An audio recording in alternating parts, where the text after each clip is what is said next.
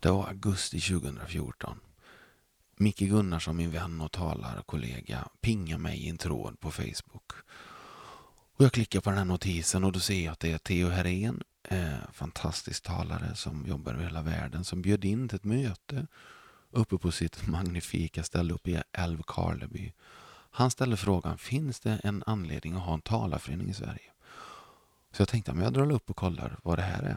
Jag visste ju också att, hmm, massa talare, egon som gillar sin egen röst. Det här kan ju bli VM i egoism. Det blir olidligt. Ja, ja, men som någon sa, man får gå lite vilse ibland. Och det är inte värre än att jag drar hem om det är jobbigt. Jag åkte upp och möts av en total motsats. Vilka underbara människor. Alltså alla lyfte varandra och bidrog. Vi hade en fantastisk helg. Och där så föddes ju det här fröet till det som idag är Talarföreningen. Talarföreningen.se kan du kolla upp.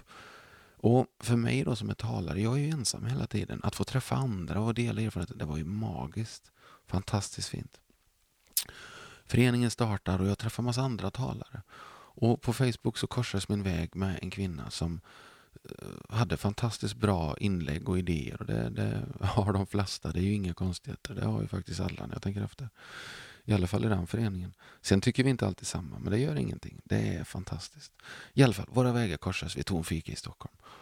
Och jag måste säga att det här är en människa som verkligen lever i min Hall of Fame, i mitt hjärta där inne. Hon har ju hjälpt mig med så mycket.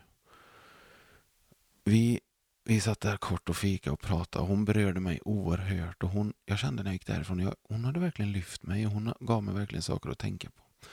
Så vi, vi har träffats lite här och var och vi har ju träffats på Talarföreningens möten och sommarfester och julfester och så vidare. En dag sa hon så här, Hasse, vill du att jag kommer och kollegielyssnar på dig någon gång?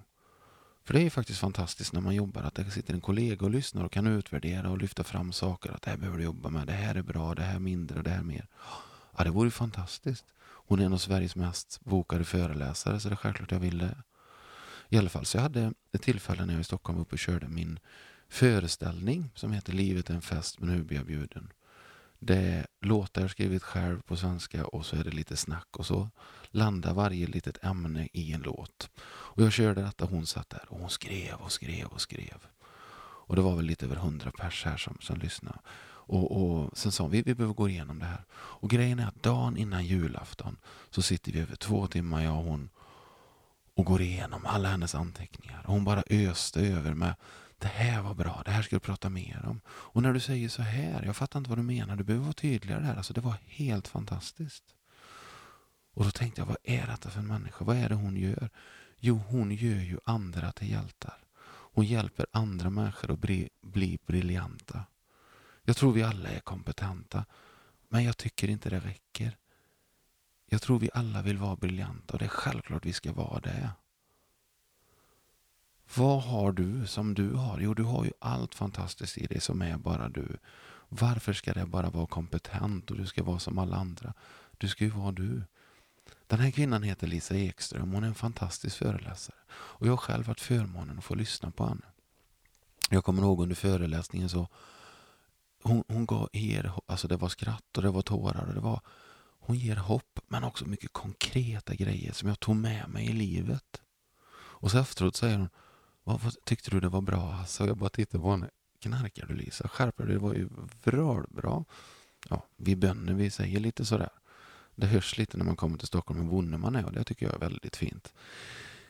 I vilket fall så sa Lisa, du, du gör ju andra till hjältar, vilket gör dig till en hjälte. Åh men tack, säger han, vad glad jag blir. Jag vill så gärna bidra i människors liv. Ja, det kan man ju lugnt säga att du gör. Och vad är det då som händer i oss? Vad är det hon gör?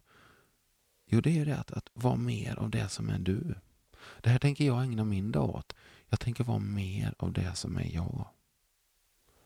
Jag vill vara briljant. Jag vill inte vara kompetent. Att våga vara mer av allt som är jag. Våga sträcka dig efter det där som kanske ligger och gnager i dig.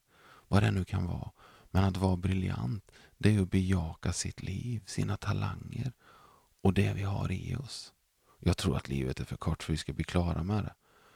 Men visst är det fantastiskt att få vara briljant. Så var mer av det som är du. Var en hjälte. Ha nu en bra dag så hörs vi igen.